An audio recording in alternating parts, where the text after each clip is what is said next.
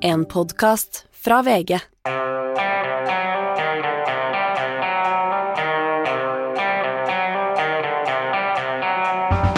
Ikke visste jeg at alle disse dagene som kom og gikk, de var selve uke tolv. Fortsatt spesielle tider, eh, Hanne. Jeg må si det at uh, altså vi, vi sitter jo i dette studioet og snakker om, om krigen hver dag, og den ligger på en måte bak alle ting som, som skjer, både i nyhetene og liksom i hele Jeg blir nesten filosofisk, men, men, men i hele liksom tilværelsen for tiden. Ja, jeg føler at det ligger som en tordensky over hodet mitt hele tida. Og, og det er vanskelig ikke å se liksom de aller fleste ting i, i, sammenheng, i, sammenheng, med dette, men det er også en avveining når man da driver med, med nyheter og, og, medier og sånne ting, og hvor, hvor stor plass skal det få ta? Hvis du leser aviser fra krigen og, og aprildagene 1940 og sånn, så ser du det står jo om landbruksoppgjør og, og, sånne ting også samtidig. Ja, jeg tror det er viktig at vi også speiler den øvrige virkeligheten, og jeg tror både leserne ønsker det, og vi trenger det litt, vi å ha noen sånne lommer hvor det ikke handler om krig. Men det er klart, som du sier, det ligger tungt. Jeg har tenkt mye på de siste dagene, jeg sitter og skriver om dette til morgen nå, at i mellomkrigstiden, det var ingen som visste at de levde i mellomkrigstiden. De Nei. trodde de levde etter en krig, og nå var det fred, og så kommer det jaggu en ny krig. Er ikke det en sånn slags vits, at uh, folk i mellomkrigstiden plutselig sa til hverandre hvorfor kaller vi dette for mellomkrigstiden? Men det var vel et navn de fant på, fant på etterpå. Ja, ikke sant. Nei, vi skal, vi skal, selvfølgelig snakke om, om uh, krigen her i dag. Vi skal også ha en liten rapport fra, fra Hollywood, for uh, vi i VG har folk til stede i forbindelse med at en norsk film er eh, nominert både til beste manus og beste utenlandske film. Og Liv Ullmann får endelig sin æres-Oscar. Det er en av de mer fortjente prisene som er delt ut av det akademiet noensinne, vil jeg si. Ja, det er det virkelig, altså. Hun er litt av et ikon, Hanne. Ja, hun er litt av et ikon. Og, og hun, har på, hun har jo bodd veldig mye ikke-Norge har vært hun har både vært mer hjemme i USA kanskje enn hun har vært i Norge, og aldri helt følt seg ordentlig hjemme eller verdsatt her, tror jeg. Nei, og det var vel ikke altså på 70-tallet, da, da, hun ble så stor som hun ble, så var vel ikke Norge på sitt sånn mest rauseste heller. Det tror jeg ikke. Så, så, jeg tror ikke man helt tok inn hvor, hvor svær hun var, men jeg merket det veldig de årene jeg var korrespondent i USA.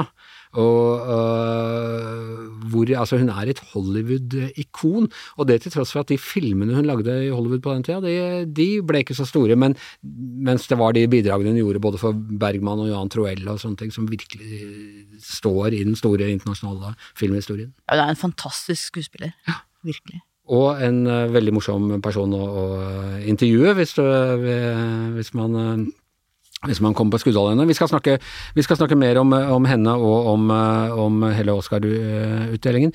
Men en ting, du og jeg, jeg fikk da ikke tak i deg i går, og det skjedde så brått, og av og til uh, av og til så er det vanskelig å være journalist, for det skjer så mye uforutsett. og i går var alt tima tilrettelagt for. Vi, pressen hadde funnet ut uh, Jens Stoltenberg er, blir bedt om å ta et år til. Han kommer til å uh, antagelig takke ja. Det virka som alt var uh, duket for det. Men så, rett før pressekonferansen starta i Nato, så slipper det ut at han altså sier fra seg sentralbanksjefjobben. Og den så vi ikke komme, Anne. Nei, samtidig, når det først skjedde, så mener jeg at det var et helt uh, Han hadde ikke noe valg. Jeg skrev en kommentar om det i går, og jeg skrev at han hadde ikke noe valg. Nei, Men det var ingen som hadde krevet det på forhånd? Nei, men jeg tror, jeg tror at det handler om flere ting. Jeg tror det handler om uh, For det første at man vet jo ikke hvor lenge uh, en ting er hvor lenge krigen kommer til å vare, men også tiden etterpå. Med antagelig blir Sverige og Finland medlemmer i Nato, du må sikre de baltiske landene mer. Det er masse som skal gjøres i Nato, og det kommer til å ta lang tid, så man vet ikke hvor lenge man blir sittende. Og så er det grenser for hvor lenge man kan ha en fungerende sentralbanksjef sittende. Hun må på en måte få den kraften og autoriteten dersom det, som jeg tror, er på ubestemt tid. Og så har jo Putin brukt uttrykk som at han er bare en bankmann, at det kanskje også handler litt om tyngden han må ha inn i rollen som Natos generalsekretær framover. Så jeg tror ikke han hadde noe valg, jeg tror dette er plikten hos Jens, pliktfølelsen hos Jens Stoltenberg som driver han veldig. Så også det hadde vært noen spekulasjoner i dansk presse hvor de hadde holdt på med at han hadde brukt for mye tid i høst på da liksom uh, lobbe for, uh, for, denne jobben, og han, det er klart at uh, ettermælet hans blir noe helt annet når han da ikke går inn i den jobben. Men det er altså det står jo liksom da til hans fortjeneste at han selv eh, tok, klarte å eie den historien, eh, og hvordan det skjedde. Og det er jo litt rart at eh, ingen journalister verken spekulerte i det, ingen opposisjonspolitiker krevde det. det var, dette kom liksom som lyn fra klar himmel i går. Ja, og vi erfarte jo i VG at det også kom overraskende på regjeringen. Eh, jeg har grunn til å tro at han hadde fint fått et år til permisjon, det hadde ikke vært noe problem, men, men nettopp det at det kunne ta lengre tid, eh, tror jeg var et viktig moment her for han. Du gikk jo veldig inn for at han skulle få jobben. Eh, for har vi nå den nest beste sentralbanksjefen, da? Nei, som vi skrev på lederplass både den gangen og jeg skrev mye etterpå, at det var to særdeles velkvalifiserte kandidater. Jeg mente den gangen, og mener fortsatt, at det geopolitiske aspektet, hans kunnskap og erfaring fra det feltet, var det som vippa vektskåla for meg, hvor jeg gikk inn for Jens Stoltenberg, mente at han ville være den beste. Men jeg er helt sikker på at eh, Ida Wolden Bakke også blir en veldig, veldig god sentralbanksjef. Det tror jeg alle er enige om. Og vi hørte at hun var ute i går med, med rentejusteringer og sånne ting, og det hadde hun i hvert fall eh, stålkontroll på, så, så dette skal nok gå bra. Ja, jeg tror dette går bra, Anders. Jeg tror dette går bra. Tror ikke du? Jo, det tror jeg. Det tror jeg. jeg har aldri vært i, vært i tvil om. Men jeg må, må, jo også si at jeg syns at det var en Jeg ble litt imponert over hvordan Stoltenberg klarte å håndtere, både eie denne saken og, og håndtere den. Ja, det er jeg helt enig i. Og jeg, han er oppe på denne øvelsen Call Response i dag. Jeg satt og så på skjermen hvor, han, hvor VG direkte sendte at han møtte alle soldatene fra Frankrike og Finland og Sverige. Jeg ble litt sånn rørt. Her kommer det altså soldater fra hele Europa, fra USA, Canada.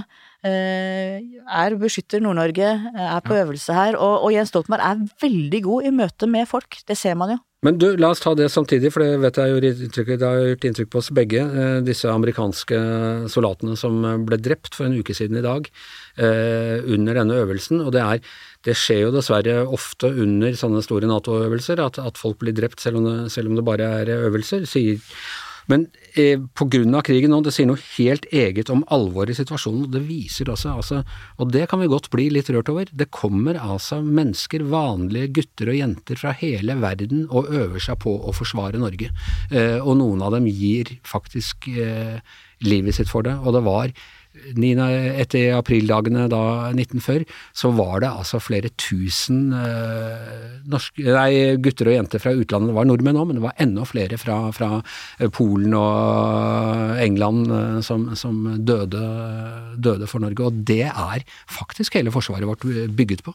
Ja, og det er, som du sier, det er dypt bevegende, og vi skal være så takknemlige. Og med det som skjer i Europa nå, så tenker jeg vi får inn det alvoret og får inn, for å få inn den takknemligheten enda mye dypere, skjønne hva dette egentlig handler om. Ja, nei, Det er et alvor vi godt kan ta med oss eh, inn i helgen. Forrige fredag så hadde vi besøk her av uh, Halvor Kjønn, eh, tidligere gjennom mange år uh, Russland-korrespondent for, for, Aftenposten, forfatter av, flere bøker om Russland. Da snakket vi om russisk historie og russisk politisk mentalitet. I dag så tenkte jeg vi skulle snakke litt mer om eh, Putin eh, spesielt, og til det så har jeg fått besøk av Ole Kristian Strøm. Eh, velkommen. Takk for det. Ole Kristian har jobba mange år i, i, VG, og du var vel Russland-korrespondent midt på 90-tallet, annen halvdel av 90-tallet? Ja, det var jo en liten periode VG hadde eget kontor, og da, da var jeg der, ja. ja. Uh, også etter det så har du vært, hatt mer eller mindre hovedansvaret for, for Russland og, og, reist veldig mye fram og tilbake der. Så du har, du har, på en måte opplevd eh, alle forandringer eh, under Putin? Det kan jeg vel si, ja. Hva er det første liksom, du husker som fester deg, festet seg med, med Putin? Jeg må innrømme at det faktum at han ble sjef for FSB i 98, det gikk litt meg, meg litt hus forbi, tror jeg. Jeg um, sjekka i norsk presse, og det gikk alle hus forbi. Det var en notis i Aftenposten som, uh, som hadde det med. Og så ble han jo statsminister da i august 99. Og, og, og, da tenkte vi vel heller nok en overgangsfigur, tenkte vi jo da, fordi da hadde de jo skifta statsminister like ofte som jeg skifter skjorte, nesten. Og, uh, og, det var jo en av de, det som var kritisk mot Jeltsin, var jo at han hele tiden skifta statsminister. Så da kom han inn, så, og han kom fra det store intet, ikke sant. Han kom jo han ble, Da han ble FSB-sjef, så kom han direkte fra, fra St. Petersburg, ingen hadde hørt om han. Det hevdes, jeg vet ikke om det er sant, men det hevdes jo faktisk at Roman Abramovic var den som, som dro Putin inn i de mektige saler i, i, i Moskva. Om det er riktig? Abramovic som nå er mest kjent for å eie Chelsea. Nettopp. Og, og, ja, og da hadde man litt sånn inntrykk av en uh, apparatskikk-type, liksom. Sånn uh, flinkis som uh, visste at han hadde bakgrunn fra KGB og sånn, men uh, adskillig mindre flamboyant enn uh, f.eks. Boris Jeltsin. I høyeste grad. Um, han hadde jo riktignok jobba under um, St. Petersburgs uh, legendariske borgermester Anatolij Sobsjak på 90-tallet, uh, som veldig mange av de som sitter i Kreml i dag har gjort. Uh, han var jo en Sobsjak var jo en helt annen type, han var jo en, en demokrat, vil jeg, i hvert fall den tida som vi hadde da. Så han hadde jo riktignok gått en god skole, men en apparatskikk, ja. Men, og det inntrykket hadde man jo litt av Putin i begynnelsen, at altså, eh, Jeltsin var litt for mye i lomma på oligarker, og han var litt korrupt og, og i det hele tatt, og at her, her kom det en litt sånn eh, Han var ikke sovjeter, men han var litt mer sånn orden, orden i sysakene og ordentlig type som liksom kunne få litt kontroll over dette som var i ferd med å skli fullstendig ut i Russland? Ja, eh, altså det var jo et ønske blant folk da for å få en som fikk orden på ting.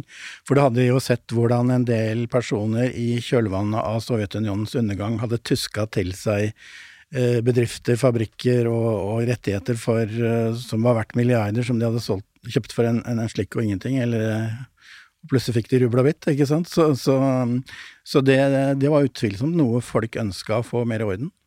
Og, men eh, noe av det første han da ble kjent for, det var jo også hvor hard i klypa han var mot uh.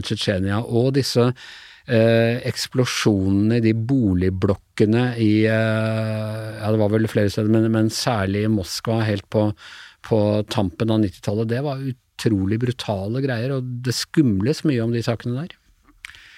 Det har kommet veldig mye, veldig mye um, påstander om det i ettertid, at det var noe som var organisert av FSB for å deretter skylde det på de tsjetsjenske opprørerne. Om det er sant, har vel aldri blitt fastslått, men eh, det som jo Putin i hvert fall ble kjent for den gangen tida, var jo at han sa at vi skal forfølge de tsjetsjenske opprørerne helt inn på do, som han sa. Det var jo det som eh, liksom Da han sa det, så ble han jo kjent i Vesten òg, for det var jo noe som vestlige medier fanga opp, og som da og det var jo, ikke sant, det her var jo den andre Tsjetsjenia-krigen. Det hadde jo vært en Tsjetsjenia-krig noen år tidligere som hadde gått veldig, veldig dårlig for Moskva. Hvor de tapte masse menneskeliv, og de fikk jo faktisk ikke kontroll over, over den lille republikken engang. Så derfor så var det nok og mange som syntes det var greit å få en person som nå virkelig skulle legge Tsjetsjenia under seg. Og øh, så fikk vi jo da altså 11. september i, i i Vesten, og etter det fikk han en større forståelse, altså den forståelsen med å være beinhard mot uh, terrorisme. Var det sånn at Vesten, vi så litt gjennom fingrene med hvor vanvittig brutalt uh, regime han, uh, han, innførte fordi vi også var redd for, for islamske terrorister? Ja, det tror jeg absolutt. Altså, det gikk jo først og fremst på hans uh, hvordan han slo ned uh, opprørerne i, i Tsjetsjenia, ikke sant. Uh, det var først og fremst det det gikk på den gangen, men ja, at, absolutt at Vestens krig mot, mot Taliban og, og mot Al Qaida var jo helt klart medvirkende til at det ble godtatt. Og det var også denne okkupasjonen av, teateret i Moskva, hvor det var tsjetsjenske opprørere også vært skumlet om om de også var eh, mer eller mindre eh, organisert av, av FSB, men det var også en sånn hvor de bare slapp giftgass inn og drepte veldig mange gisler, og, og, og likevel så styrket han sin posisjon der. Han gjorde det, og så kom jo Beslan, ikke sant, med hvor, ja, det var vel rundt bortimot 300 barn som mista livet der, ikke sant, og det var jo han fikk jo da en, en grunn til å være tøff, har det i neven òg, ikke sant, og, og det det var vel ingen tvil Og det kom jo Det var ingen tvil om at det kom jo leiesoldater fra arabiske land og, og, og kriga i Tsjetsjenia òg. Fremmedkrigere? Ja, fremmedkrigere heter det. Ja. Så, så, um, så, det gjorde at han fikk et grunnlag for å ta så hardt i som han gjorde, ja. Men det var også ting han ikke lykkes helt med. altså Vi husker den Kursk, denne ubåten som da øh, sank, rett og slett, øh, i Norge.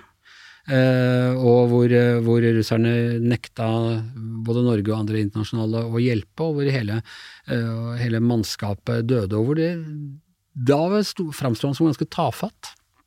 Ja, han gjorde det, og det var litt sånn fordi Jeltsin nå framsto som veldig, en veldig handlingens mann, alltid når det var noen problemer, så stilte han opp, og, og, mens derimot Putin når det gjaldt Kursk, ikke, ikke gjorde det nødvendige. Det viste seg, og det gikk jo dag etter dag, ikke sant, uten at de uh, slapp til norsk hjelp, og, og, og det endte jo da, som, som du sier, med forferdelse, og, og um, det er ingen tvil om at han uh, tapte på det, ja, sånn at han, han, han trengte en, en, en tid han, før han kom opp på plussida etter det, ja. Ingen tvil. Og hva tror du det var som gjorde at han klarte å befeste posisjonen sin, uh, slik at han liksom kunne rydde vei for det som har kommet senere? Altså, det var vel det at han eh, skapte mer eh, orden i samfunnet. Fordi det hadde jo godt vært vill vest ikke sant, på 90-tallet, særlig innen økonomien, men òg innen når det gjelder kriminalitet og sånt noe. Han slo jo hardt ned mot kriminalitet, og han eh, han eh, stoppa jo Det var slutt på de, de store auksjonene der, der oligarkene fikk kjøpt billige ting. Så sånn sett så, så klarte han jo å få mer orden i Russland, og det var det mange som ville ha. Eh, Det var jo også et Altså eh, en forandring i mentalitet fra oss i Vesten. Jeg husker eh, George W. Bush sa jo etter 11. september at han hadde han hadde møtt Putin og sett hans sjel, og at hans sjel var ren, eller et eller annet sånn. Litt spesielt å, å, å tenke på i dag. Og man, man hadde liksom en slags tiltro til ham. Når eh, og, og Putin var opptatt av å bli eh, akseptert og anerkjent av eh, vestlige stater. Når tror du dette snudde? Um, det snudde vel ikke for alvor før mot 2014. Uh, Sjøl om han jo eh, tidligere enn det skrudde til skruen og ble en mer eh, autoritær eh, president, så tror jeg egentlig ikke uvestlige politikere helt oppdaga det før nærmest før eh, Krim. Eh, det var jo en, eh, et hyggelig OL i, i Sotsji da noen dager før, ikke sant, hvor vestlige ledere kom, blant annet den norske statsministeren var jo der, eh, Men så hadde vi jo selvfølgelig selvfølgelig da i 2008 krigen i, i Georgia. Den ga nok eh, vestlig ledighet noe å tenke på, med at de da gikk inn i, i Sør-Ossetia. Um, men jeg tror ikke for alvor at de skjønte hva som foregikk før nærmere 2014.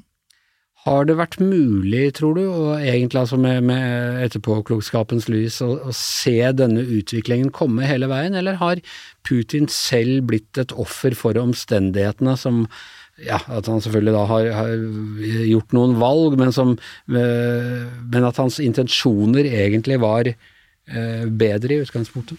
Det er et eh, vrient spørsmål. Altså, Putin sa jo på et tidlig tidspunkt at Sovjetunionens sammenbrudd var var det han sa for noe? Altså det store geopolitiske katastrofe i vårt, vår tid, var det vel han sa. Eh, og det, det, det var jo et, en uttalelse som, som folk merka seg, og som sier jo litt om han, om hans bakgrunn i KGB og hans bakgrunn i, i det sovjetiske samfunnet. Men eh, hvor gode hensikter han hadde, det, det syns jeg det er utrolig vanskelig å svare på. Eh, jeg må innrømme at det som har skjedd de siste ukene, har vært eh, mer enn jeg hadde regna med. Så, og det er jo langt, langt større eksperter enn meg som har, har bomma på det. Eh, så mm, Nei, om hans hensikter var gode. Um, Altså, det var jo et Det handla jo stort sett i stor grad om å løfte det eh, levestandard og sånn for den vanlige russer var jo noe som var viktig, og der fikk en jo veldig god hjelp av høyere oljepris og gasspriser, som gjorde at det på en måte gikk uten at han trengte å gjøre så mye. Og så, eh, dermed så fikk han stor støtte i folket. Eh, det var jo noen valg som var særdeles lugubre, særlig parlamentsvalget i 20, 2012 blir det vel, ja. Nei, slutten av 2011, eh, som, som, jo ga veldig store demonstrasjoner. Og det gikk kanskje et lys opp for mange i Vesten da de så hvor utrolig mange som tok til gatene den tida der. Det var jo en tid da det gikk an å demonstrere uten å bli fengsla. Og det var et veldig stort sinne, men, men det, var, det sinnet var ikke nødvendigvis Det var ikke retta direkte mot Putin, faktisk. Det var retta mot hans parti, mm. eh, Jedina Razia, altså det enhetlige Russland, ble det vel, eh, som da hadde juksa voldsomt ved det parlamentsvalget, og folk ble rasende, og, og Navalny sa at her er det bandittpartiet framfor noen. Eh, og da i forbindelse med det så burde det jo kanskje ha gått et lys opp både for meg og for eh, vestlige politikere hva som, hva som eh, rørte seg, og hva, og hva som faktisk skjedde. Og jeg tror faktisk òg at for Putin var det kanskje et vendepunkt i de demonstrasjonene den gangen mellom 2011 og 2012. Fordi eh, han opplevde jo den oransje revolusjonen i Ukraina i 2004, var vel det. Eh, som han så på som veldig, veldig skremmende. Eh, og det, jeg tror faktisk det ble så skremmende for han at det var et vendepunkt, fordi han da ble redd for folkelig opprør.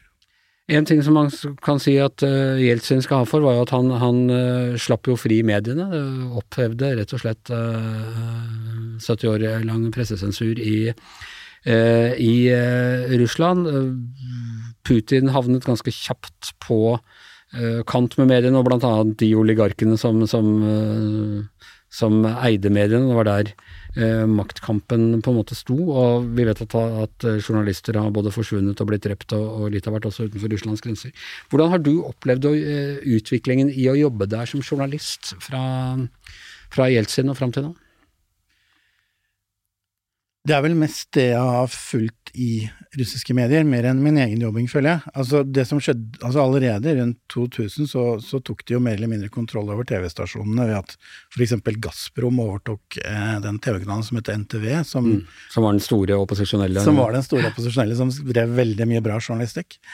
Eh, og dermed så hadde den jo kontroll over de tre største kanalene, Razia, det som det vel den gangen het ORT, nå heter Pjervi, og eh, NTV. Og det som er viktig i det russiske mediebildet, er stort, var i hvert fall den gang å ha kontroll over TV-kanalene. Den gangen var det ikke De brydde seg ikke så mye om aviser og sånn, fordi eh, avisene er, har, så, hadde, har, så, lite opplag. og, og internett var jo ikke kommet for fullt ennå, eh, sånn at det var det som var det viktige. Og, og der var han jo kjapp med å sikre seg kontroll, ja, absolutt. Eh, men å jobbe der som journalist, så har du ikke opplevd det er blitt vanskeligere eller lettere? Eh, det var helt klart lettere på før 2000, det var det. Eh, det er det ingen tvil om, og kanskje i starten på 2000 òg, så ble det vanskeligere. Det er helt sikkert, fordi ikke minst sånn rent byråkratisk ble det vanskeligere. Og det ble nok òg mer mer skepsis mot vestlige medier etter hvert, eh, som jo hadde De hadde nærmest stått med åpne armer på 90-tallet til vestlige medier, eh, og så ble nok det ganske sterkt forandra, ja. Hvordan merker du det konkret, altså at eh, de, folk er redde for å snakke, du blir nekta tilgang på ting, hvordan, hvordan oppleves den konkrete arbeidssituasjonen for en vestlig journalist i Russland nå? Det er jo mange ting av det som skjer som bare blir tilgjengelig for eh, russiske journalister, f.eks. At det er bare russiske journalister som faktisk får informasjon om det som skal skje, og kan akkreditere seg til det. Eh, det var jo lettere tidligere, vil jeg påstå. Eh, vi kunne jo dreise med de store politikerne land og strand rundt uten at det var noe problem. Så det ble atskillig Og det hadde nok litt med med en KGB-er, gammel KGB-er som president, så ble jo sikkert også sikkerhetstiltak av den slags òg sterkere. Um, men eh, det har vært relativt greit å jobbe der eh, det mesteparten av tida. Jeg syns jo det er for, en, for et norsk, norsk, journalist. Men eh, vi har jo òg hatt, selvfølgelig hatt eh, tilfeller der det har vært eh, trakassering mot norske journalister i Russland. F.eks. TV 2s Øystein Bogen opplevde det veldig under eh, jeg tror det var under fotball-VM, vel, han opplevde det blant annet. Så, så det har eh, Og så er det selvfølgelig det med Han har skrevet flere kritiske bøker om Russland og Putin. Han har det. Og så har det selvfølgelig det med grensa mot Norge, hvor det er et veldig spesielt område med veldig mye militære ting og greier. og der er det jo ekstra strengt imellom fra, fra Storskog og, og, og utover mot Murmansk, ikke sant. Hvordan, altså Vi har sett disse her opptakene nå hvor han sitter med sine nærmeste menn, og, og de leser opp en slags sånne støtteerklæringer til han. Og at han også kan Hvordan han ydmyket han ene sjefen for, for internasjonal etterretning, eller hva det var, snakk så folk forstår deg, og eh, du får jo veldig sånn en viss mann i bunkersen på slutten-vibber eh, når du ser på han. Ja, det er mange som sier det, og, og det, det, var sjefen for utenlandsetterretningen, eh, Narysjkin, som fikk gjennomgå da. Eh, og men det som faktisk er et faktum, er jo at han nå har vært veldig lite synlig de siste De første dagene av krigen så var han synlig, men etter det så har han vært veldig lite synlig, bortsett fra da den markeringa av annekteringa av Krim på, som var på Luzjniki stadion i, i, Moskva, der han jo talte. I boblejakka si? I boblejakka si, eh, hvor uh, høyttalersystemet ikke helt fungerte. Men um, utover det så har han jo faktisk vært veldig lite synlig nå. Um, Peskov, hans talsmann, sa denne uka at han befinner seg i Kreml og følger krigen derfra, sa han. Altså veldig klart på at det var ikke Kreml. Putin har jo, er jo veldig mye at han har jobba fra andre steder òg, både fra en residens utafor Moskva og, og, fra sitt eh, Trolig fra et slott nede i Gelentsjik ved Svartehavet og, sånn. Så var, men da var de var veldig klart på at han jobba nå fra, fra Kreml, både når det gjaldt krigen og da fredsforhandlingene med, med Ukraina. Um, men som sagt, det har vært veldig lite, veldig lite å se til han. Han møtte forsvarsminister Sjojgu en par dager etter invasjonen starta, sammen med sjefen for generalstaben Gerasimov. Og Da så vi video og bilder fra det, og etter det så har vi faktisk eh, ikke sett noe, i hvert fall ikke, til forsvarsminister Altså, forsvarsminister, Sjojgu har ikke vært synlig på på snart to uker. Eh, det går rykter om at han har hjerteproblemer. Eh, I så fall så har de enda et problem, han har sagt, at, den, at forsvarsministeren, hvis ikke han er i, i full fres um, men, men, det er faktisk litt uklart nå. Til gjengjeld så stiller jo Peskov mer opp, han stilte blant annet opp i CNN her, ikke sant, og, og sånn, men, men Putin og hans andre, de som skulle lede krigen, er veldig lite synlige nå. Er det noen vei ut for han? Er det noen måte han kan gå ut av dette med noe han opplever som ære i behold? Det er veldig vanskelig å se. Da må han trolig finne syndebukker, han må trolig, skrive om historie. Han, det er mye som skal skje for at han får gjort for det, tror jeg. Eh, om hvordan en vanlig russer da vil oppfatte det som skjer, er jo selvfølgelig det viktige med tanke på om han kan sitte videre. Eh, og det er òg viktig hva,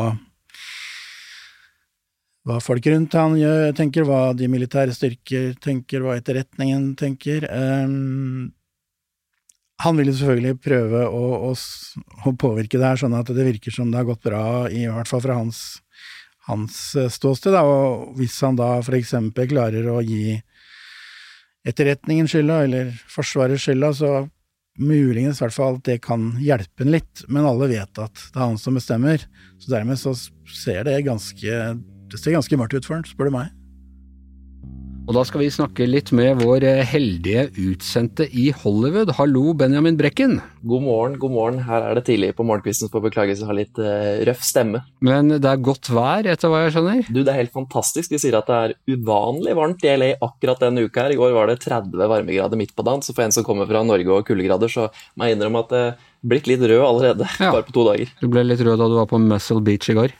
ja, det hadde vært så vel. Det blir mye jobbing her da, med verdens største menneske, men uh, vi har en, en pool på taket her, og der bestemte jeg meg for å slappe av et par timer, og da endte jeg opp litt rød, selv om jeg hadde sol. Jeg skjønner. Men altså, verdens uh, verste menneske, det er uh, historisk. Altså, det er ikke mange ganger, det er ikke hvert år at uh, en norsk film er nominert til Oscar for beste utenlandske? Nei, det er ikke ofte. Det er vel forrige gang i 2010, tror jeg, med Kon-Tiki. Og det er aller første gang at en film er nominert, altså norsk film er nominert i to kategorier. Beste internasjonale film og beste originalmanus, som jo er kjempegøy for Eskil i tillegg, ikke sant, som har vært med og skrevet eh, manuset. Så har vi hatt noen ganger de siste ti åra hvor det har vært nesten Jeg har vært på shortlista. Både Håp og Erik Poppes eh, 'Kongens nei' var nær, men vi kom liksom ikke helt dit. Så dette har vært veldig etterlengta og moro for oss som er glad i film. Og øh, moro å spekulere i, selvfølgelig. Hva, øh, når du prater med folk der, har du snakket med noen insidere, noen med stemmerett i akademiet eller noe sånt, øh, og, og, prøvd å lodde stemningen? Snakka en del med en del av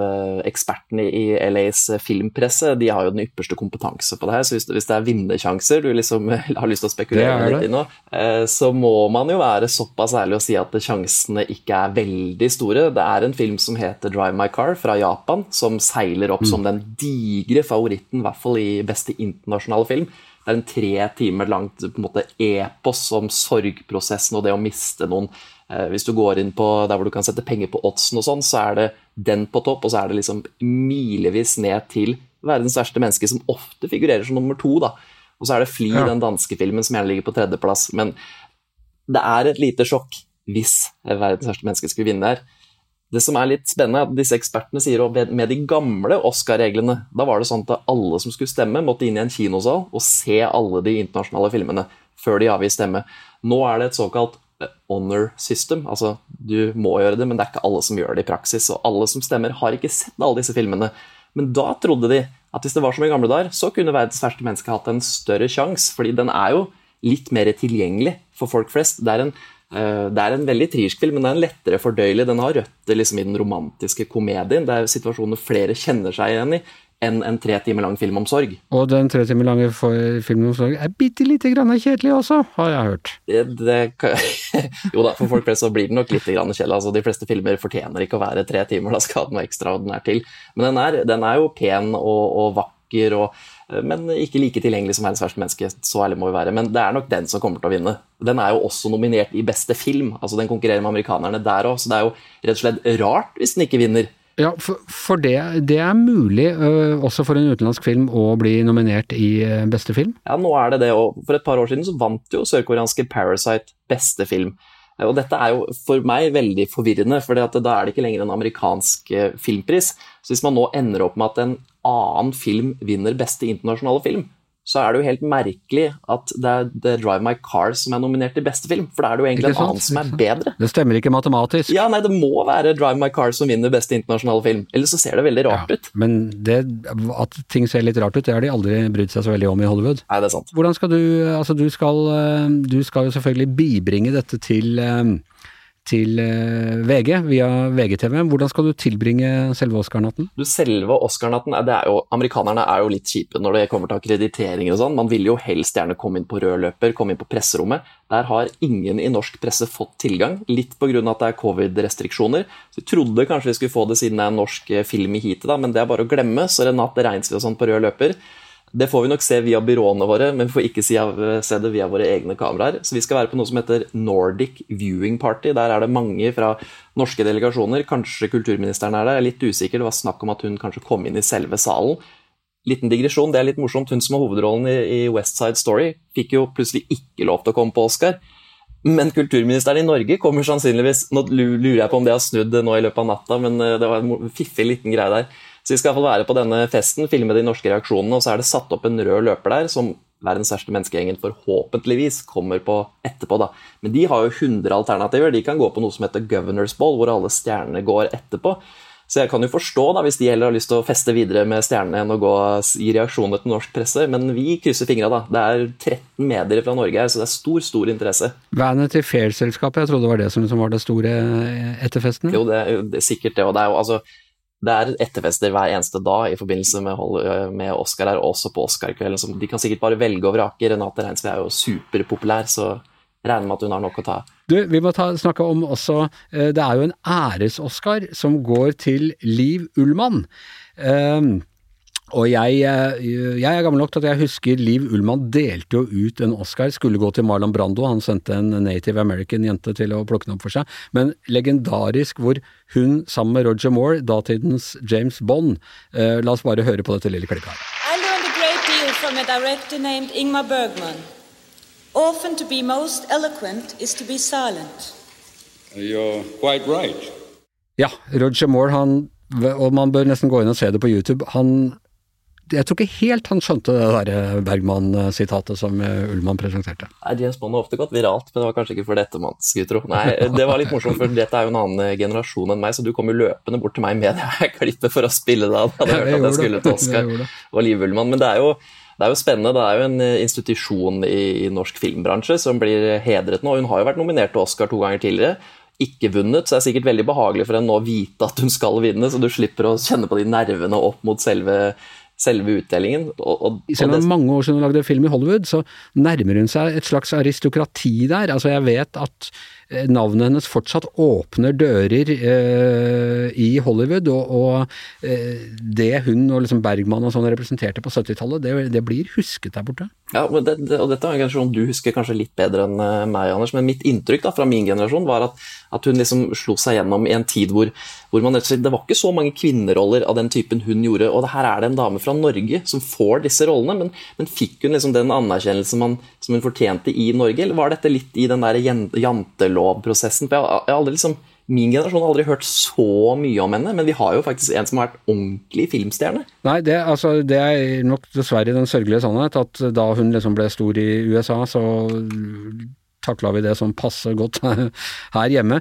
Men så var det jo også at det var jo ikke egentlig de amerikanske rollene, for det var litt ymse, uh, det hun spilte i dag. Det var jo de store rollene hun spilte uh, for Bergman, da, blant annet, men også i, i uh, Jan Troels 'Utvandrerne' og sånne ting, som, som virkelig gjorde henne gjorde henne svær. Nå blir jo kanskje noen av de verkene litt mer tilgjengelige. altså Utvandrerne blir jo lagd en ny versjon av den nå, med Erik Poppe og, og Scenes from a Marriage, som var også spilt i. Den ble jo en HBO-serie. med altså Ja, og den var også, gjorde henne også stor i Da var hun på forsida av alle de store magasinene. Altså. Ikke sant, så kanskje hun får en liten renessanse nå etter hvert. Men det er jo morsomt da hun mottar æresprisen sammen med sin rake kontrast, da vil jeg si Samuel L. Jackson, som er liksom ja. den personen som sier fuck aller mest i filmer, og så har du da den norske divaen på den andre siden. så jeg, vel, jeg, jeg håper de to er sammen på scenen. Det er et bilde jeg har veldig lyst til å se. Ok, men uh, Benjamin, vi, vi, krysser fingrene for uh, verdens verste menneske, og vi krysser også fingrene for, uh, for deg. Og husk å følge dekninga på, på VGTV på søndag.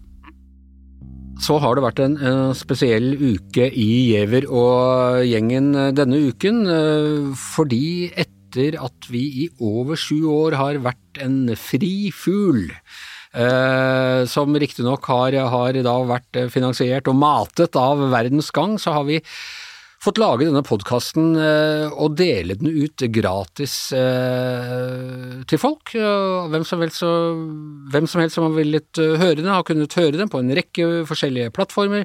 Vært en liten annonse i, eh, i begynnelsen og av og til eh, en i midten, men ellers har det vært det vi kaller gratis, hvis det finnes noe sånt som en gratis lunsj. Men nå blir det slutt på det, sjefredaktør Gard Steiro. Ja, nå, eh, nå, blir det andre tider, eh, Anders. Vi har jo lyttet til deg, da. Du har jo eh, Altså, jeg har jo vært inne her og diskutert innholdsmarkedsføring med deg og annonser. Du har jo et du har jo et syn på journalistikk som jeg måtte berømme. sant? Altså Det skal være fritt, og det skal være gratis, og du vil helst ikke ha annonser heller. Ja, ja, jeg må få lov til å si at jeg har alltid ment. Jeg har alltid vært tilhenger av brukerbetaling. Det er jeg også nå. Uh, og for så vidt og selvfølgelig også jo flere annonser vi kan få, så lenge det er tydelig skille på det. Men jeg, skal, jeg møter meg selv i døra. Jeg skal si jeg, si jeg syns det var hardt å sette seg ned foran denne mikrofonen i går og fortelle alle våre faste lyttere uh, at uh, fra om et par uker så vil det riktignok fortsette å være gratis og plattformfrie på fredager. Yep. Men, men, fire dager i uka, hvis du vil høre oss da, så må du betale for det, og du må inn i denne uh, Podme. Og jeg skal være ærlig nok til å si at det syns jeg var litt vanskelig, og når folk blir sinte og skuffet, så blir jeg litt lei meg for det. Ja, nei, jeg, jeg forstår det, uh, men jeg skal prøve å forklare hvorfor vi gjør det, og det, det, det er mange perspektiver på dette. Hvis du løfter blikket veldig, da, så er det sånn at uh, journalistikk, altså generelt, da, den er nødt til Hvis den skal være fri og uavhengig, Eh, så må den finansieres. Mm, og det å utelukkende være finansiert av annonsører, eh, det er litt risikabelt. Både fordi det gir annonsører da i vid forstand ganske mye makt. Altså Store annonsører kan liksom påvirke mediene generelt, fordi at hvis de trekker seg ut, så kan det påvirke medieøkonomien i veldig stor grad. Eh, så det er jo det det er jo ett eh, poeng, sant? og så er du veldig da utsatt for konjunkturer i journalistikken. sant? Altså Hvis det er nedgangstider, så faller liksom grunnlaget for journalistikk vekk. Så journalistikk har i all tid egentlig hatt to eh, finansieringskilder, bortsett fra de som har pressestøtte. Eh, det er at leserne, eller brukerne eller seerne har betalt, og så har annonsører betalt, og det er et spleiselag. Og for ofte når ting begynner, når det kommer en ny måte å drive journalistikk på Du så det på nettjournalistikken da det kom, du ser det, har sett det på YouTube og på video på nett, og du ser det nå på lyd, så begynner det gratis. Og så etter hvert så må man finne en måte å finansiere det på. Og alltid når det begynner noe nytt, så det så bruker mediene veldig mye penger på det, og så får man ikke betalt. VGTV for eksempel, da det startet, var jo et veldig stort underskuddsforetak, og nå klarer man å tjene litt penger på det, eller at det i hvert fall går i null. Så vi, vi, vi, opererer litt ut fra den gamle tradisjonen til narkotikapusherne. Det er gratis i begynnelsen, så når du blir avhengig, så begynner du å ta penger for det. det. ja, det er jo vår inspirasjonskilde, som du vet, i det meste. Det som er, det som er Men dette er altså her, Jeg skulle jo gjerne sagt at nå ligger VG helt i front her. Det gjør vi egentlig ikke. For dette er en trend som nå du ser i land etter land etter land at man prøver, for å finansiere podkaster og lydjournalistikk, så er det en god del som er fortsatt vil være åpent og gratis, og det kommer VG til å holde på med framover. Men så prøver man å bygge opp da plattformer der man har abonnementstjenester. Og Det er jo for å sikre egentlig utviklingen den journalistikken framover. For hadde dette vært fortsatt å være gratis, så, så tror jeg rett og slett ikke vi hadde klart å utvikle den journalistikken framover. Og så hadde vi stått laglig til for hogg ved neste motkonjunktur, eh, går jeg ut fra. Ja, det tror jeg òg, men jeg tror, jeg tror rett og slett det er litt av utfordringen. Hvis du ser en avis, da, en vanlig papiravis, så kan du egentlig liksom finne, en, eh, finne litt annonser innimellom og klare å få en balanse i, i, det produktet der leserne, leserne liksom får noen annonser, får en del stoff. Det er vanskeligere på en podkast. Må du putte inn ganske mye annonser, tror jeg, for å få dette til å fungere. Eh, og det tror jeg hadde blitt en ganske dårlig opplevelse. Det, men det er jo egentlig brukerne som bestemmer her. Altså Enten så syns de at dette er godt nok til at det er verdt å betale noen kroner for det. Det er jo ikke sånn i den store sammenheng veldig dyrt. Altså det, Den kaffen du drikker nå er kanskje på nivå med det du må betale for en måned. Uh, for å lytte til ganske mange podkaster. Jeg tror du får fire kaffer, uh, men det er ikke noe mer enn det. Ja, ikke med det, du, men du drikker sånn fancy kaffe. Ja, ja, du er fra kantinen, du, men jeg tror du drikker sånn fancy kaffe med soyamelk og sånt. Ja, ja, nei, sånn drikker ikke jeg, men da er det to sånne, da. Ja. Så det, og så er, da er jo det oppgaven vår, da, å lage så godt innhold at folk syns det er verdt å betale for det. Så, men dette blir jo egentlig litt opp til brukeren til slutt. Da. Vil man ha, ønsker man da, syns man at det innholdet som lages av norske medier på lyd, er så bra at man ønsker å betale for det? Alternativet til det er jo at dette blir da annonsefinansiert, med, som noen vil foretrekke. Men altså, jeg ser vi fortalte om dette i går, og så har, vi, har jeg testa temperaturen litt på, på Facebook-siden vår. Mm. Og jeg ser at det er basically tre reaksjoner. Eh, det er noen, og mange flere enn jeg egentlig hadde trodd og håpet, som sier at ja, selvfølgelig skal dere ta betalt, og, og journalistikk må betales for det. Det setter jeg veldig pris på, må jeg bare si til alle som skriver det. Og så er det noen som er mer sånn øh, føler at dette er en slags menneskerett vi nå fratar dem, og dessuten er podkasten dårlig. Mm. Uh, så det kan vi jo ikke gjøre så mye med.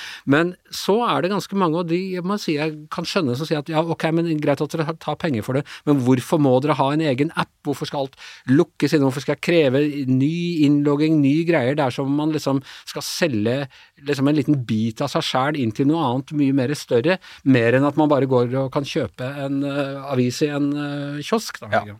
Og, dette, eh, og, det, og, jeg tror vi skal ha respekt for alle tilbakemeldingene. Jeg tror ikke vi skal sette oss og si at noen tar feil her. Eh, dette. Jeg tror De tilbakemeldingene skal vi virkelig lytte til. Men jeg tror for, eh, for norske medier, dette med å velge andre plattformer, det har noen utfordringer. Både, altså, og spesielt fra et publisistisk perspektiv. Du har fått med deg Joe Rogan-diskusjonen med Spotify. sant? Og det som er utfordringen med de store plattformene for journalistikk, enten det er Apple News, eller det er Google, eller det er Facebook, eller det er Snapchat, altså de store plattformene, der kan du miste kontroll på et eller annet tidspunkt over innholdet eh, ditt. Og du kan få en overredaktør over, eh, ja, over de norske redaktørene. Det er risikabelt. Og det tror vi i økende grad skal vi se på det som en del av infrastrukturen et land må ha. De må ha plattformer som de eier sjøl og kontrollerer sjøl, der de òg setter reglene for hva du kan publisere. Men allerede det er en utfordring her med, med Podme, for du er redaktør for noe, f.eks. denne.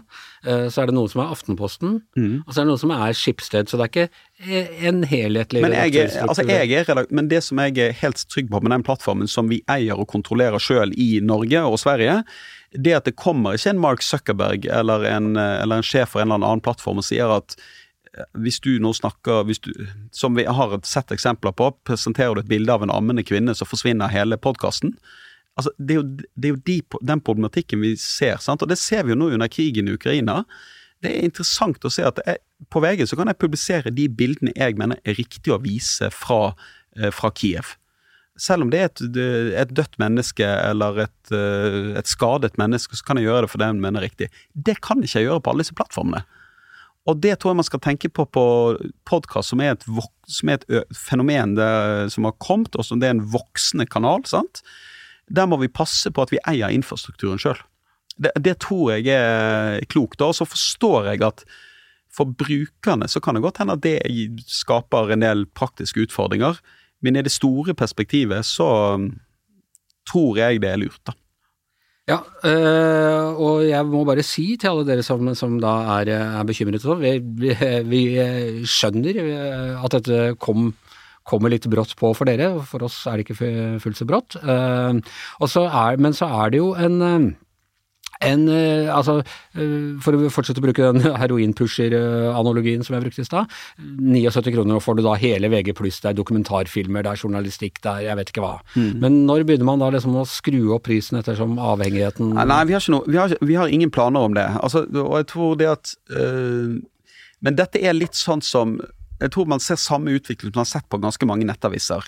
Og det er at For noen år siden så var alle norske nettaviser gratis. Sant? Det var, alt var åpent, og det gikk bare ikke. Altså, det ble sagt opp journalister uh, over det hele tiden, sant? for det, var ikke, det, var ikke, bærekraftig.